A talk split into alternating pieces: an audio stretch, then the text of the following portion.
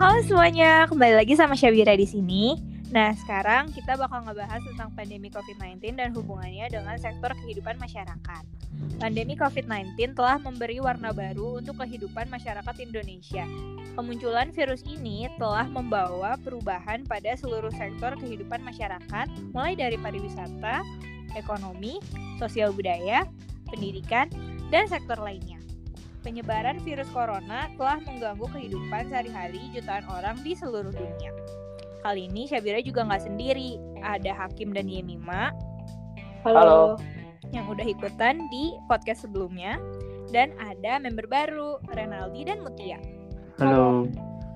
Nah, aku mau nanya nih, menurut kalian, perubahan apa yang kalian rasakan selama pandemi COVID-19 ini? Kok, kok dari gue sih, yang paling ngerasa banget tuh dari pandemi sih. Soalnya kan kita nggak bisa ke mana-mana ya. Liburan susah di rumah terus mengurangi kegiatan dan lain-lain itu kerasa banget sih.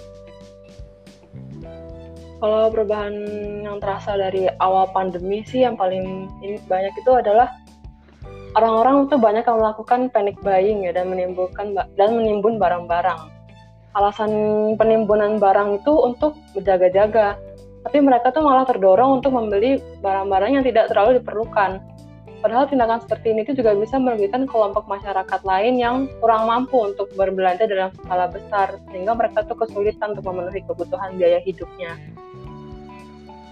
Hmm, kalau menurut aku sih ya, hal yang paling berpengaruh dalam keseharian adalah bagaimana kita bisa berkomunikasi dengan orang lain. Kalau dulu kan kita bisa saling berjabat tangan, berkumpul beramai-ramai dengan keluarga ataupun teman tanpa ada rasanya takut ataupun penghalang.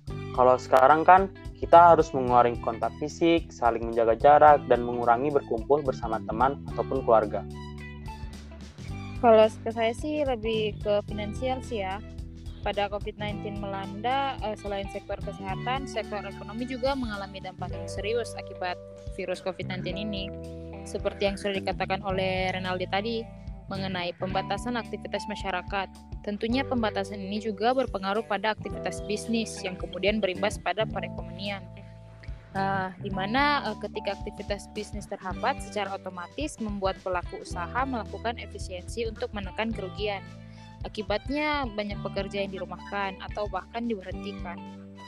Yang artinya uh, mereka pun jadi pengangguran, kemudian tingkat pengangguran Indonesia pun jadi meningkat pasti juga akan terjadi perubahan langkah lanskap pasar tenaga kerja pasca krisis ekonomi dan pandemi COVID-19.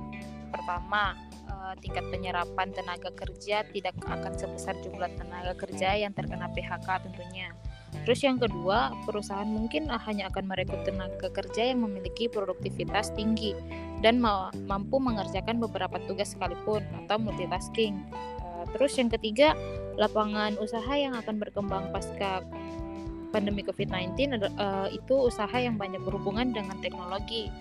Makanya uh, tenaga kerja yang dibutuhkan juga tenaga kerja yang memiliki kemampuan di bidang teknologi. Uh, hal tersebut juga terbukti dengan terjadinya pergeseran pola kerja selama pandemi. Uh, jika sebelumnya pekerja diharapkan untuk bekerja di tempat kerja, maka selama pandemi ini perusahaan juga pekerja harus beradaptasi untuk mengurangi aktivitas mereka, terutama yang melibatkan bertemu banyak orang. Salah satu caranya dengan penerapan pola kerja work from home.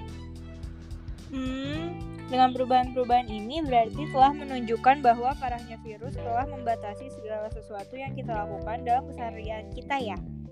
Nah, kalau menurut kalian sebagai warga negara Indonesia, Pancasila kan uh, ideologi negara kita nih.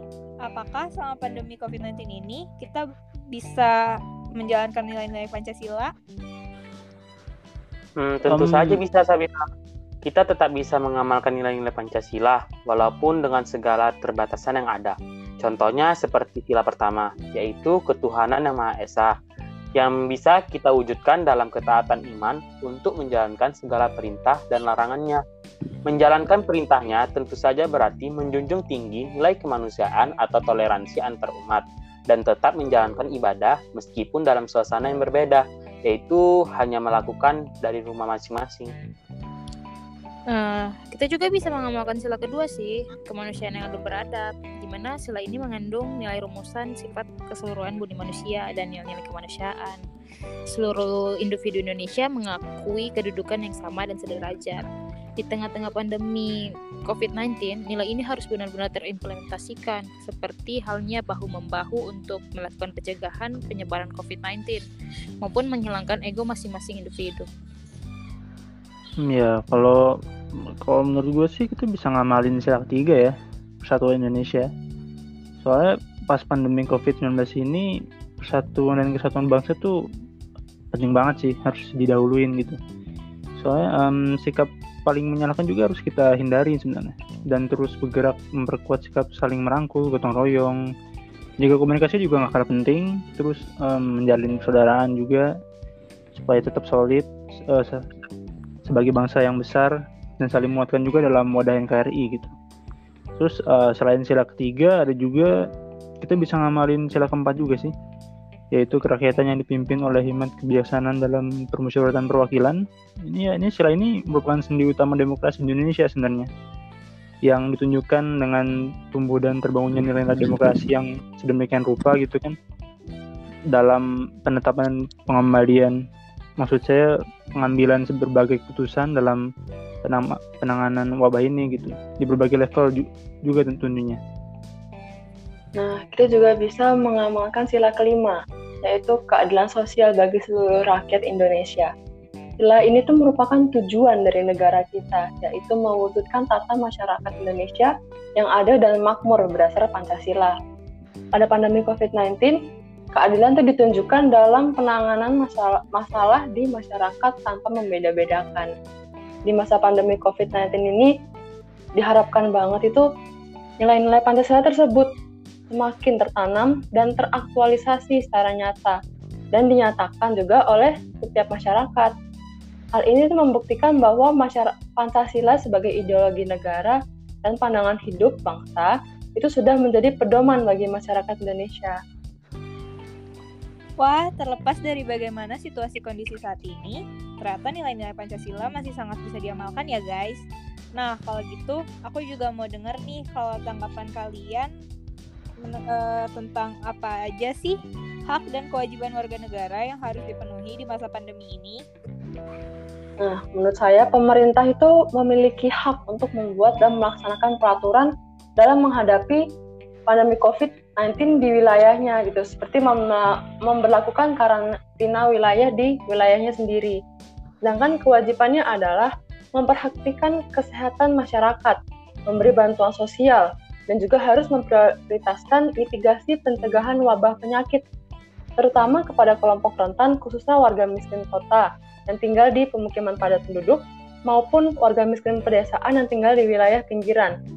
Terus ada perempuan, anak-anak, tunawisma, pekerja formal, pedagang biasa ataupun pedagang kaki lima, kelompok disabilitas, kelompok minoritas gender dan seksual, dan lain-lain itu masih banyak. Yang mana kelompok-kelompok tersebut kerap terabaikan dan kesulitan mendapatkan akses hak-hak warga negaranya. Hmm, kalau untuk masyarakat sendiri, menurut aku sih haknya itu sangat banyak, seperti mendapatkan layanan kesehatan dari pemerintah, hak mendapatkan kebutuhan pangan, dan kebutuhan kehidupan sehari-hari lainnya. Hak memperoleh perlakuan yang sama dalam penyelenggaraan kekarantinaan kesehatan. Hak mendapatkan pemenuhan kebutuhan hidup dasar orang dan makanan hewan ternak oleh pemerintah. Yang mana pelaksanaannya melibatkan pemerintah pusat, pemerintah daerah, dan pihak terkait hak mendapatkan ganti rugi akibat mengalami kerugian harta benda yang disebabkan oleh upaya penanggulangan wabah hak mendapatkan informasi kekarantinaan kesehatan sebagai upaya pencegahan dan pemberantasan masuk atau keluarnya kejadian dan faktor resiko yang dapat menyebabkan kedaruratan kesehatan masyarakat. Adapun kewajibannya yaitu dengan menjaga kesehatan diri sendiri dan lingkungan sekitar, seperti kita melakukan protokol kesehatan dengan benar dan tertib, menghindari kerumunan, dan tetap di rumah. Itu aja sih kalau menurut saya. Nah, mengenai hak yang dimiliki oleh pemerintah, seperti yang telah disebutkan oleh Inima, yaitu pemerintah berhak untuk membuat dan melaksanakan peraturan dalam menghadapi pandemi COVID-19, yaitu dengan memperlakukan karantina wilayah di wilayah daerah masing-masing. Nah, kalau menurut uh, Renaldi dan Mutia, gimana sih pendapat kalian terhadap hal tersebut? Ya kalau menurut gue sih uh, inisiatif karantina wilayah yang dilakukan beberapa pemerintah daerah sih itu bisa dipandang sebagai bentuk ikhtiar ya untuk pencegahan penyebaran virus COVID-19 ini tentunya. Tapi ya tentunya di setiap keputusan atau langkah yang diambil ada konsekuensinya lah yang harus diterima juga jika mengambil keputusan tersebut.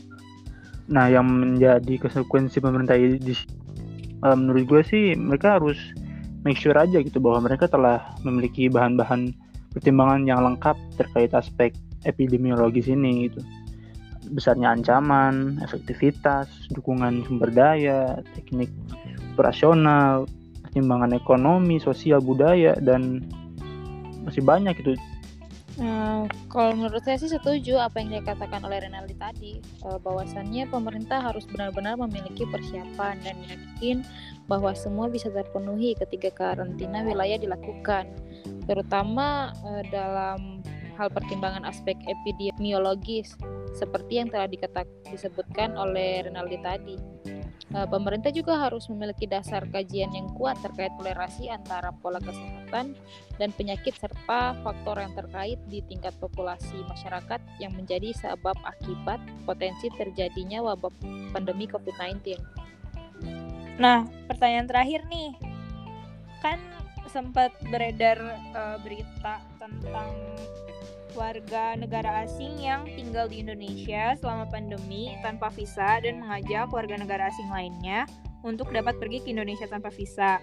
Nah, kalau menurut salah satu dari kalian, gimana tuh? Pastinya ya ketika baca berita itu tuh marah ya saya. Apalagi mereka dengan jelas tuh melanggar peraturan di Indonesia dengan visanya yang sudah tidak berlaku. Nah, tapi dari selain dari WNA-nya yang harus inspeksi diri, pemerintah juga harus lebih teliti mengenai WNA yang keluar masuk Indonesia. Wah, bener banget tuh. Pemerintah juga harus lebih waspada nih sama hal-hal kayak gini. Makasih banyak ya semuanya atas pendapat-pendapat dari kalian. Podcast kali ini pembahasannya menarik banget. Mulai dari perubahan-perubahan akibat COVID-19, pengamalan Pancasila, hak dan kewajiban di masa pandemi, sampai karantina wilayah pun kita bahas. Pokoknya, kita dan kalian yang sedang mendengarkan podcast ini harus tetap berusaha untuk menjadi warga negara yang baik, cinta tanah air, dan tentunya menanamkan nilai-nilai Pancasila dalam diri kita terlepas dari bagaimanapun kondisinya. Sayang banget nih, lagi-lagi podcast kita harus berakhir sampai sini aja. Semoga podcast ini bermanfaat buat semua pendengar ya. Stay safe dan sampai ketemu di podcast-podcast kita selanjutnya dengan pembahasan lain yang pastinya lebih menarik. Bye-bye. Bye. Bye.